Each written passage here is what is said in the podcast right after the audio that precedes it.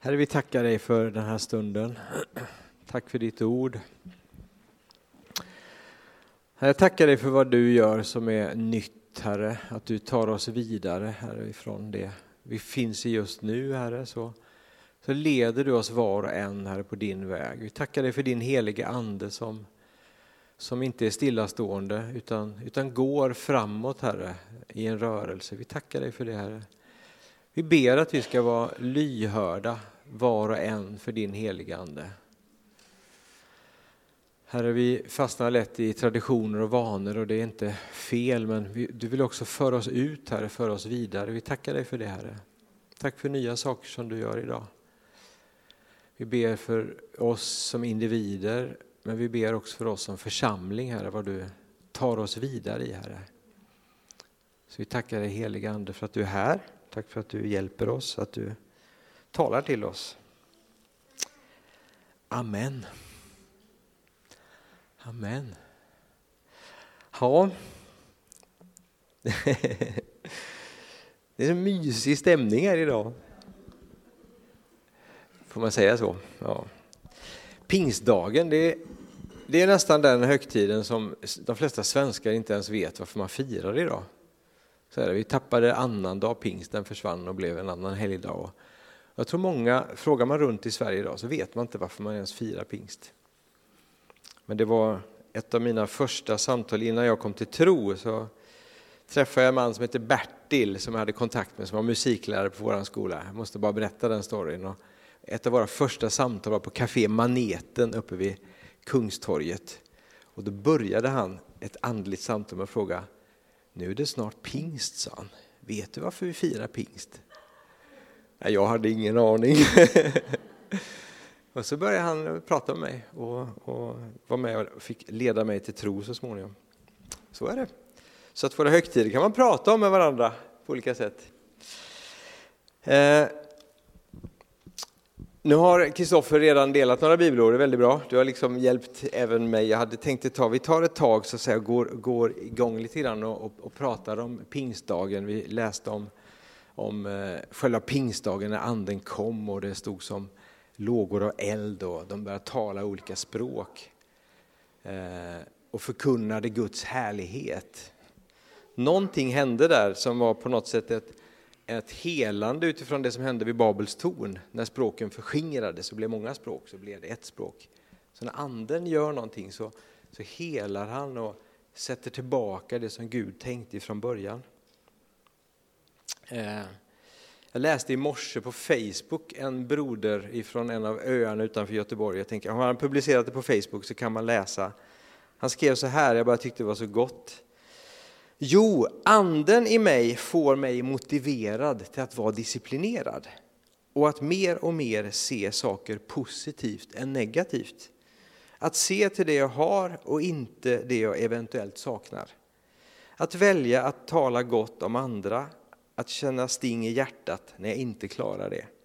Att välja att ge upp den för tillfället lätta vägen för att finna styrka och hälsa att gå i sanning gå den rätta vägen att älska och förlåta mig själv och andra och så vidare. Det här var hans spontana morgonskrift, jag tyckte det var härligt. Så vi behöver den heliga ande i våra liv. Jag tror kyrkan ibland har, har på något sätt inte, inte lyssnat till den heliga ande och det har, har, eh, för det har varit lite, vad ska man säga, det är lättare att bygga former än att lyssna på den heliga ande. Och man har ofta byggt former och det har ibland hindrat den heliga Andes verk. Därför ska vi vara, vara lyhörda inför det. Men vi går tillbaka, vi läser andra Mosebok 25, 8 och 9. Bara ta ett litet varv här hur Gud tänkte, som hör ihop med det som hände på pingstdagen. Och eh, det här är eh, då ifrån andra Mosebok, det här är en instruktion de får för att Gud har någonting på sitt hjärta Gud säger så här, de ska göra en helgedom åt mig, alltså bygga det här tabernaklet i öknen, så att jag kan bo mitt ibland dem. Gud ville bo ibland människorna. Om människorna hade förkastat Gud eh, och synden hade kommit emellan. Men Guds längtan var så att, säga, att bo mitt ibland folk. Gud längtar efter, efter oss. Han längtar efter gemenskapen. Eh, och så vidare. Och så går vi vidare till nästa steg. Det byggdes sedan ett tempel. Så första Konungaboken 6, 12 och 13. Det var Salomo som fick instruktioner om att bygga ett tempel. Och vad, vad, är intentionen med det? det är mycket, när man läser det i Bibeln, det är mycket regler och grejer om vad de ska samla in och vad de ska ha för material. Och det är väldigt mycket det här runt omkring. Man måste se vad är intentionen med det som skedde. Med huset som du bygger ska detta ske om du vandrar efter mina stadgar och följer mina föreskrifter, håller fast vid alla mina bud och lever efter dem, ska jag med dig uppfylla mitt ord som jag talade till din far David. Jag ska bo mitt ibland Israels barn och inte överge mitt folk Israel. Gud vill bo mitt ibland oss. Så Gud ville på något sätt skapa en plats där hans närvaro fanns, mitt ibland människorna. För att himmel och jord ska mötas. Alltså vad är himlen? Jag tror vi har ibland ett konstigt perspektiv på vad himlen är. Det finns sådana här romantiserade bilder av att himlen är liksom där uppe på ett moln, det är någon, någon tillvaro långt borta. Men alltså i, i judisk kontext när de skriver det här så handlar himlen om, om det fullkomliga, om det upprättade, om det hela. Är ni med? Så himlen är inte en annan destination, det är inte här i jorden och där i himlen. Utan himlen och jorden är på något sätt, eh, vi vet att Jesus säger, var är, var är Guds rike? Ja, han säger det är mitt ibland er, det är invärtes, det bor i er, kommer ut sen.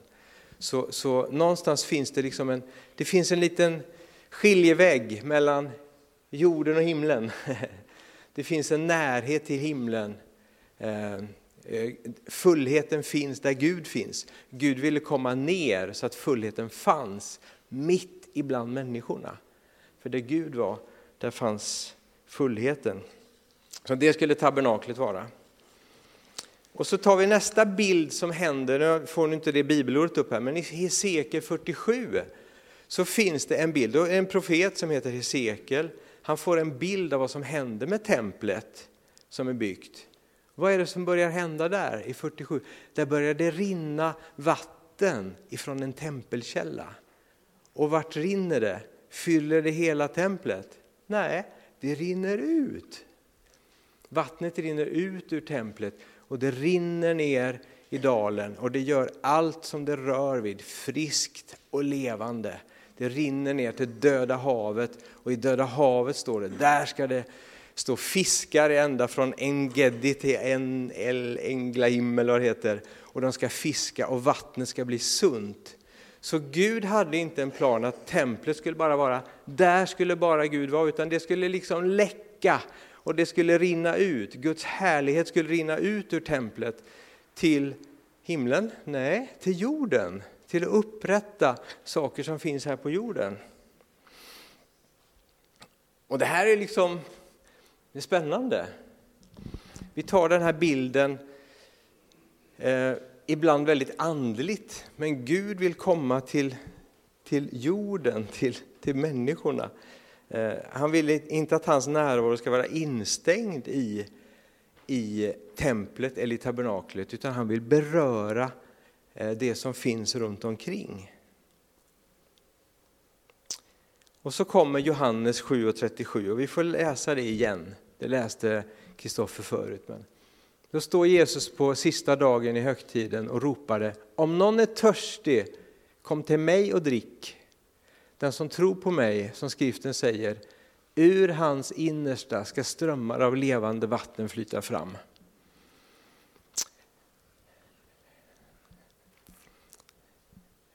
Ser du bilden på templet, Guds närvaro? Ser du bilden på dig? Och vad är det som händer? Ska du gå där och ha massa vatten, ha det härligheten i dig? Nej, det ska flyta fram. Hur är man när det flyter fram strömmar av levande vatten ur den? Vårat barnbarn, det ser ut som att det har flyttit strömmar av levande vatten ibland när han har suttit och druckit i sin mugg utan att ta, att ta bort den här pipen. För det är liksom så här, det är väldigt blött. Det är liksom, det är det bildligaste jag har sett, strömmar av levande vatten. Liksom. Det är liksom hela tröjorna, byxorna är blöta. Liksom. Men det är, liksom en sån här, det är lite svårt att förstå den här bilden kanske när vi bara ser den så här, det ska flyta fram strömmar av levande vatten ur mig. Men någonstans så var så att säga fullbordan på pingstdagen när den helige Ande kom, var att detta som skedde med templet, att Guds närvaro bor i mig, ska rinna ut, ska påverka, ska flöda ut runt omkring mig där jag finns. Till de människor jag finns, till det arbete jag finns, till det land där jag bor, till, till det runt omkring. Visst är det en härlig bild? Det finns en återupprättelse. Vi talade, och jag ska fortsätta, jag lovade ju det sist, jag, jag hade för 14 dagar sedan, så vissa var med då, och ni såg eh, vissa saker. Den här bilden såg ni, vi ska återkomma till den, vi har plockat fram den för jag tror att den kommer bli användbar. Ni som inte var med då, vi pratade om, så vi hör ihop med det här, vi pratade om att vad är ett helt evangelium? Eh, nu blir det lite repetition för er som var med, men det, det skadar väl inte. Eh, ett helt evangelium är viktigt att vi har. För ett, ett halvt evangelium är du behöver bli frälst så att du kommer till himlen när du dör. Det är inte ett fullt evangelium. Det är bra. Men det är så mycket mer. Den här världen är kass, himlen är bra. Eh, nej, det finns någonting som, det var viktigt och det gick vi igenom lite grann sist, att om man inte har med skapelsen, om man inte har med Guds ursprungsplan, varför skapade han himmel och jord? Varför älskar han människor? Varför älskar han jorden, skapelsen? Då får vi, vi kan få en konstig syn på vår andlighet, vi kan bli överandliga så att vi tänker att andlighet och det som har med andens verk att göra har bara med liksom andliga saker att göra, när det faktiskt berör dig och mig, våran vardag, våran kropp, våran, vårat liv, vårat bankkonto, våran sexualitet, vårat allt vill Jesus beröra.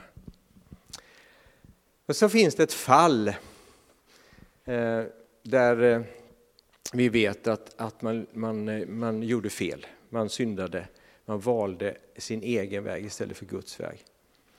Och det gäller att förstå syndens konsekvenser, att de finns här ibland oss. Vi möter dem hela tiden och lever i det runt, runt oss. Och där finns då frälsningen som på något sätt blir då svaret. Jesus han, han återupprättar relationen med oss. Han fyller oss Eh, och skapar ett nytt liv i oss. Och vi, vi gick igenom det noggrannare sist, jag tar inte så mycket nu. Och sen då får vi inte heller glömma då det stoppar inte med att bli frälst.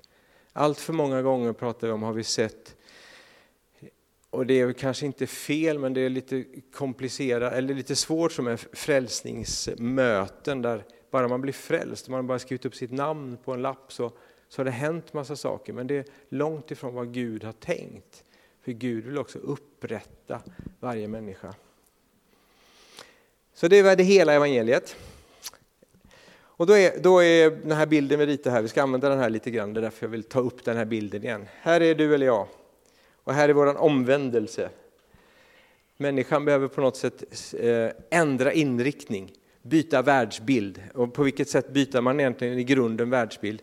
Jag byter en världsbild där jag själv är i centrum till en världsbild där Gud är i centrum. Det är den stora omvändelsen, det acceptera att det finns något annat större än mig som faktiskt eh, älskar mig och bryr sig om mig.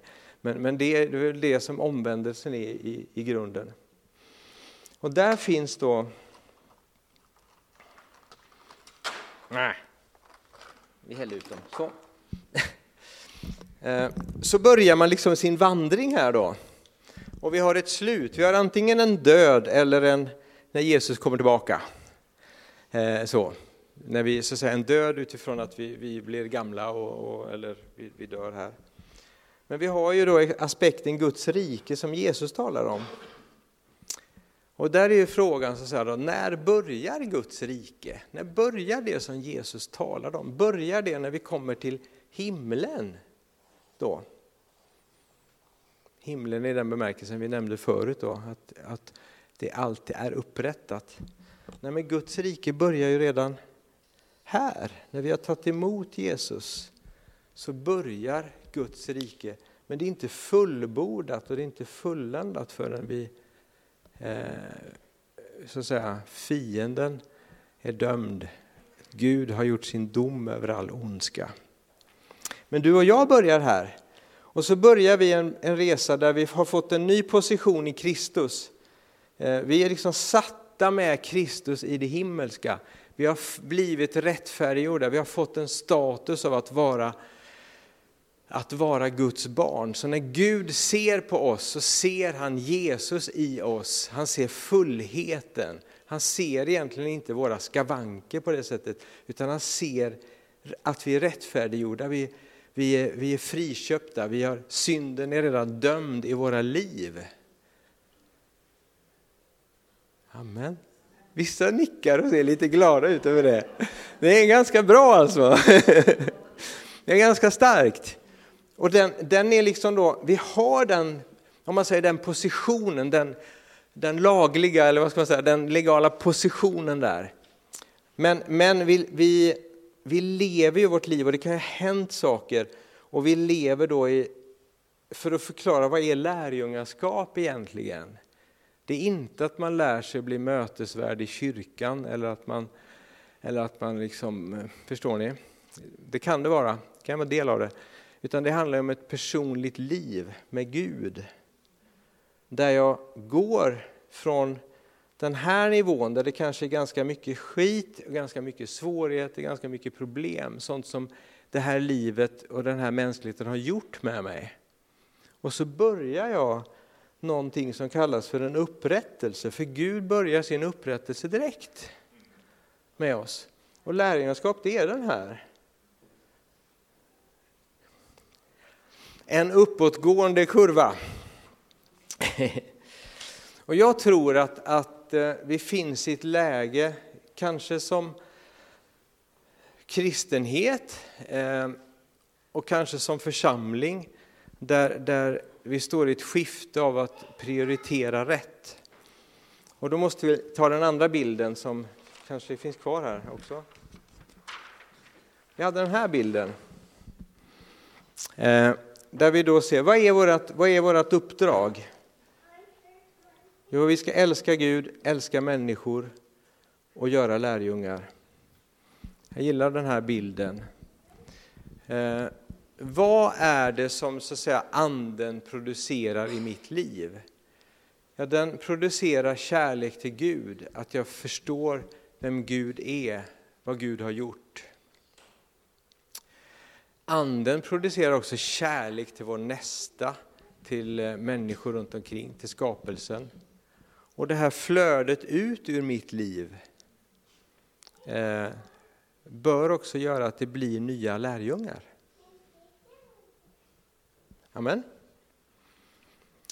Och, och, om det här är det viktigaste så är det faktiskt ofta så här, och det här menar jag är det kanske skiftet som, som vi får vi, man får tänka sig för mellan varven. Vi pratade om det förut, att formen och det här ofta tar över livet.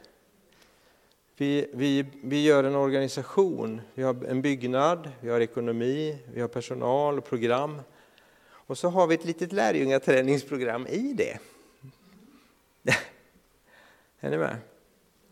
Medan det kanske istället är så här det ska vara.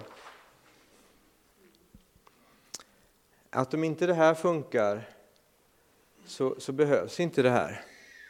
Det här kanske blir en konsekvens av att vi behöver ha någonstans att samlas för att kunna älska Gud tillsammans, ha gudstjänst. är ni med? Men när det blir fel relation till de här två, med triangeln och fyrkanten, är ni med? Då på något sätt hamnar vi fel.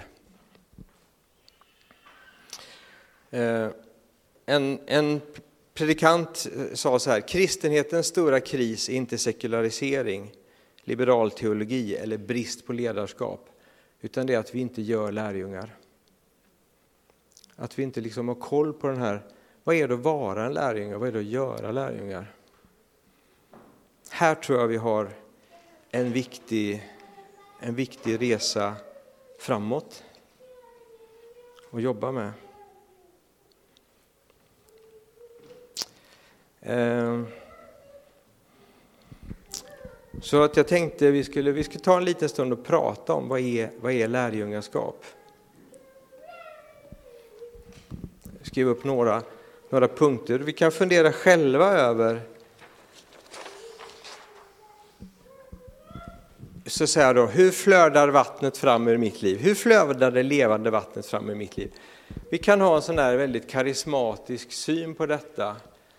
Att jag ska bli jättebra på att profetera och på att tala i tungor och på att uttyda och allt det här. Att det, att det liksom handlar om det.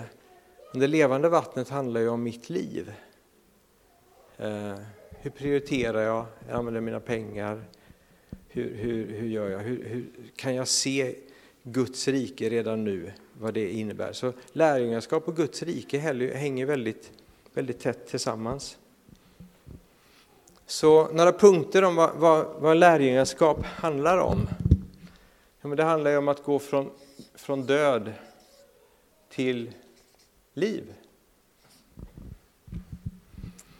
Jag är egentligen andligt död innan jag tagit emot Jesus i mitt liv. Jag har inte den dimensionen, utan jag får kliva in i Gud är levande, gör mig. Gud gör oss levande. Eh, vi är levande gjorda tillsammans med Kristus. Eh, jag får starta ett nytt liv. Jag lever ett liv tillsammans med Gud, där döden redan är besegrad. Wow. Vi tar de här punkterna. Från, från, från skuld och skam till acceptans. Det här är liksom den här, den här linjen som vi går i lärjungaskap. Att vi, vi har blivit tillknycklade, eller kan man säga så, i, vår, i våra liv. Och det har hänt saker som på olika sätt har, har eh, som har sabbat i våra liv och vi lever under synd, under skuld och, och skam och de här bitarna. Och alla människor, vi behöver jobba med det. Och att om vi inte jobbar med det så har vi inget lärjungaskap. Att vi är drabbade av det, det är mänskligt, det gör alla. Det har med fallet att göra, det förstår att skapelsen är fallet, vi är fallna. Men att vill jag gå en lärjungaprocess så finns det ett helande och en läkedom för mig i det här där jag då får jobba med detta. Vad är det som finns i våra liv? Bara röra vi lite grann av det här för att se, är du en lärjunge? lite grann att jag delar här, det kan du få tänka efter själv. Är du en lärjunge eller är du en, för att utmana då, är du, är du en, en är du kristen som privat hobby? Liksom? Har du det som liksom din livsvärdering? Ungefär som jag är moderat eller jag är eh, socialdemokrat så kan jag vara kristen. Det är, liksom min, det är lite min värld. så. Eller är ett lärjungaskap till Jesus någonting som dagligen angår oss? Det är lite där vi är ute efter. Vad är det som kan ha hänt i våra liv? Det finns ju synden.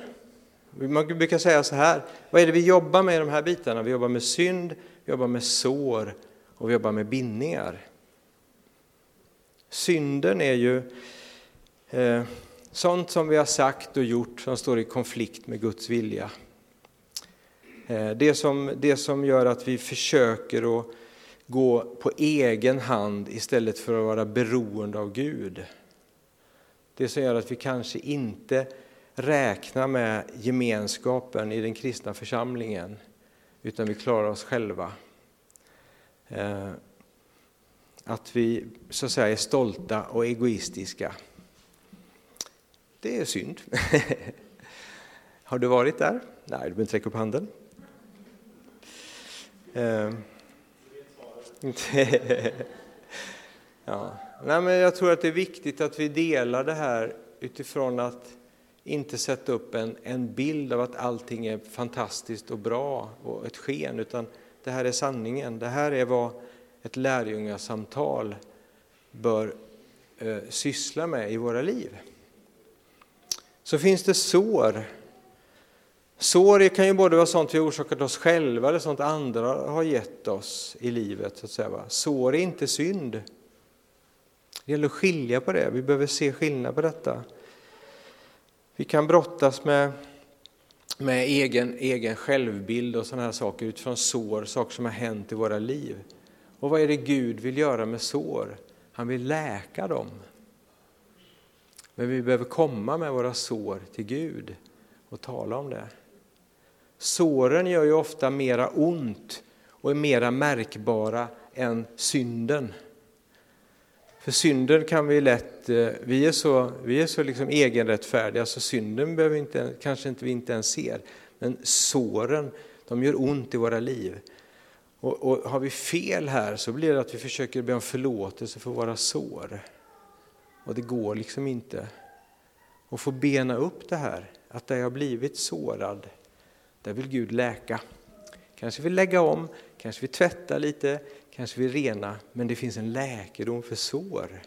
Den här, den här linjen som går, att Gud vill läka våra sår. Det finns en upprättelse i hela här. Det finns vatten som flödar ur vårt innersta, ur våra syskons innersta, så vi kan sitta och samtala om de här sakerna. Det finns bindningar, och bindningar kan ju vara något väldigt positivt. Jag, kan ha, jag behöver ha en bra relation till min mamma och pappa när jag är liten. Och man har bindning till, till vänner och relationer på något sätt. Det finns något. Gud har, Gud har lagt ner en egenskap i oss människor att vi skaffar bindningar. Hej! För att vi behöver det. Men det kan också vara bindningar som gör det fel i våra liv, där vi blir felaktigt beroende av andra människor. Där vi inte kan fatta beslut, där det är någon annan som måste tala in i våra liv eller där vi sitter fast på olika sätt. Och nu, det är inget själavårdsseminarium det här så det blir väldigt kort det här så att säga, men eh, där handlar det om att förlåta människor som har gjort oss illa och, och komma loss ifrån de här sakerna. Detta är upprättelsen, detta är vad anden vill göra. Den, den tredje, som är lärjungaskap, från sig själv till andra. Vi skriver en rubrik här också. Ja, lärjungaskap.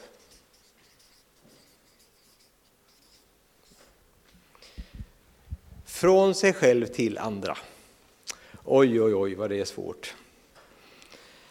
Eh, lärjungaskapsprocessen i våra liv, den tar oss ifrån vårt eget och liksom det här bygga på min egen liksom, identitet och allt det här till att, så att säga, se andra och till att ge mig till andra.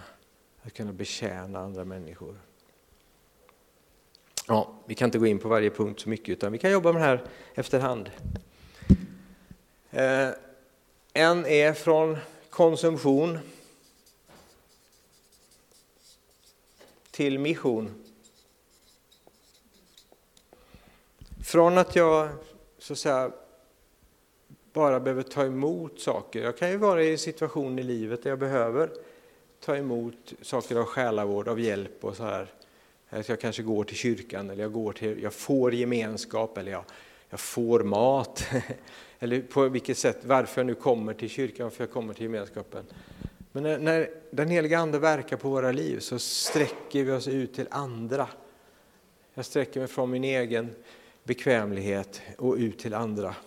Och det är fantastiskt det här hur Gud ger energi eh, i det här. Att få lov att, att sträcka sig ut till andra, att få göra saker för andra. Vad som finns i det.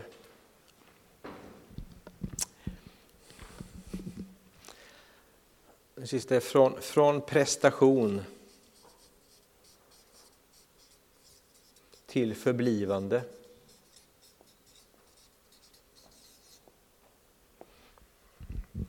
Alltså, inte att jag behöver göra saker för att, för, att, för att ha min identitet, utan för att jag är i Kristus. Jag är den jag är när Gud återupprättar mig. Mm.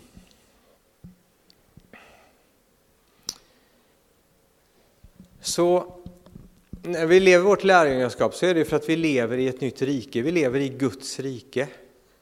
Vad är Guds rike? Jo, det är den platsen där Gud har makt. I missionsbefallningen börjar ju faktiskt med mig är given all makt i himlen och på jorden. Varför gör den det egentligen? Jo, för att det är Guds perspektivet. Eh, och lärjungaskapet handlar om att du och jag på område efter område ger Jesus makt i våra liv istället för att vi själva har det. Det är ju jätteenkelt. Eller? Eller jättesvårt? Nej, men jag tror egentligen det här att, att vara med Jesus, att leva Jesuslivet är egentligen väldigt enkelt och vi har många gånger komplicerat det. I've been there. Guds rike vet du, tränger sig inte på. Utan Guds rike måste du fråga efter. Guds rike måste du lägga prioriteringar i ditt liv för att se. Sök först Guds rike så ska allt det andra tillfalla dig. För Jesus, han, han, Jesus gick omkring och han betjänade människor. Och vilka förklarade han hemligheterna för? För sina lärjungar. Han satt med människor. Han liksom sålde inte stora paket med informationsmaterial till alla, utan man fick liksom komma till honom och dra. Och det finns någonting i det här där vi behöver upptäcka att komma och få tag i hemligheten i Guds rike. Jag tror att där kämpar vi ibland, vissa av oss ibland utifrån att vi har haft en, jag tänker så här, vi satt och snackade om det här häromdagen, här. man har haft en rörelse ibland av den heliga ande. Det har, det har hänt någonting, det har varit nytt, det har varit inspirativt, det har varit härligt. Och så kommer liksom nästa steg där man försöker att eh, återupprepa det här. Och gärna bli lite manipulativ också, för att det ska bli på samma sätt. Det kan vi känna igen både i våra egna liv, vi försöker återuppleva känslor och saker. Medan eh, det där skapar bara sår. Det där skapar svårigheter. Att ta emot det, det, det som anden gör. Det anden gör är alltid friskt, alltid rätt. Men när vi försöker göra det eller kopiera det så blir det lätt manipulativt.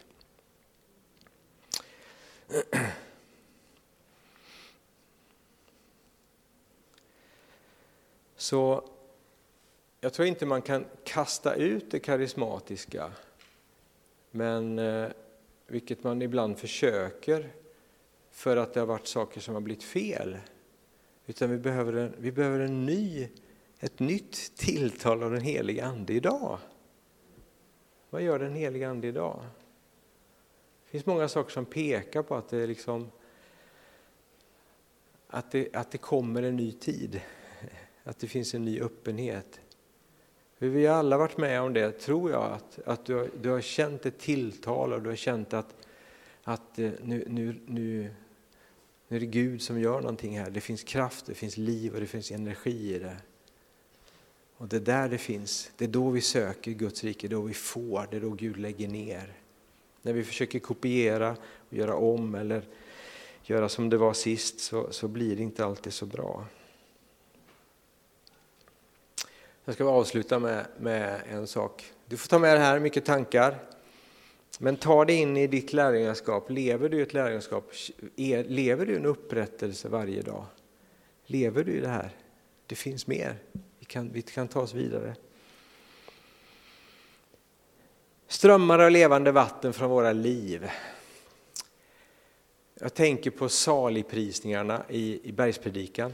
När Jesus talar om saligprisningarna så kan vi känna så här, det där är ju jättesvårt och jobbigt och vara så from och så ödmjuk och så renhjärtad och allt det där. Så liksom det finns nästan ingen som kan, som kan liksom leva upp till det. Och så blir det på något sätt en kramp i att hur ska jag kunna vara sån? Kämpa! Eller så är det sån jag blir när vattnet från den helige ande strömmar fram genom mig.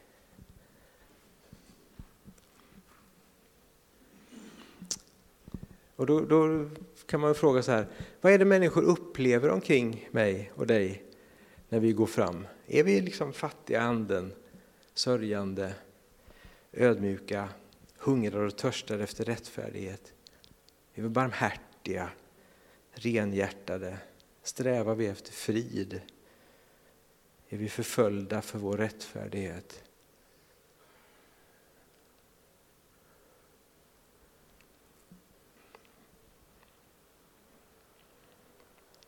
Vi tänker ofta att vi ska ut i, i världen och påverka med makt.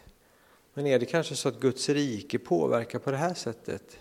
Att sända ut människor på olika platser som har den här atmosfären, som förändrar arbetsplatser, som förändrar skolor, som förändrar familjer, som förändrar situationer. För att, för att den här, det här vattnet är det som flödar ut eh, där de går fram. Herre, vi bara tacka dig för ditt rike. Tack för din helige Ande. Tack för vad du gör i oss, Herre. Herre, vi, vi ber att du gör ditt evangelium tydligt för oss och, och det liv vi lever enkelt på det sättet att vi är enkelt att förstå och inte krångligt, Herre. Herre, vi ber om ett äkta Jesusliv, Herre, i våra liv.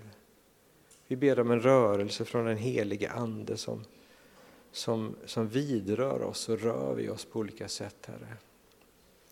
Herre, vi bara öppna oss för dig, Herre. Vi vill på nytt gå in i lärjungaprocess, Herre, och bli, bli arbetade med av, av din heliga Ande, Herre.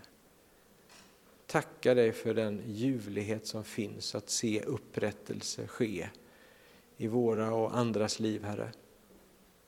Tack Jesus. Amen.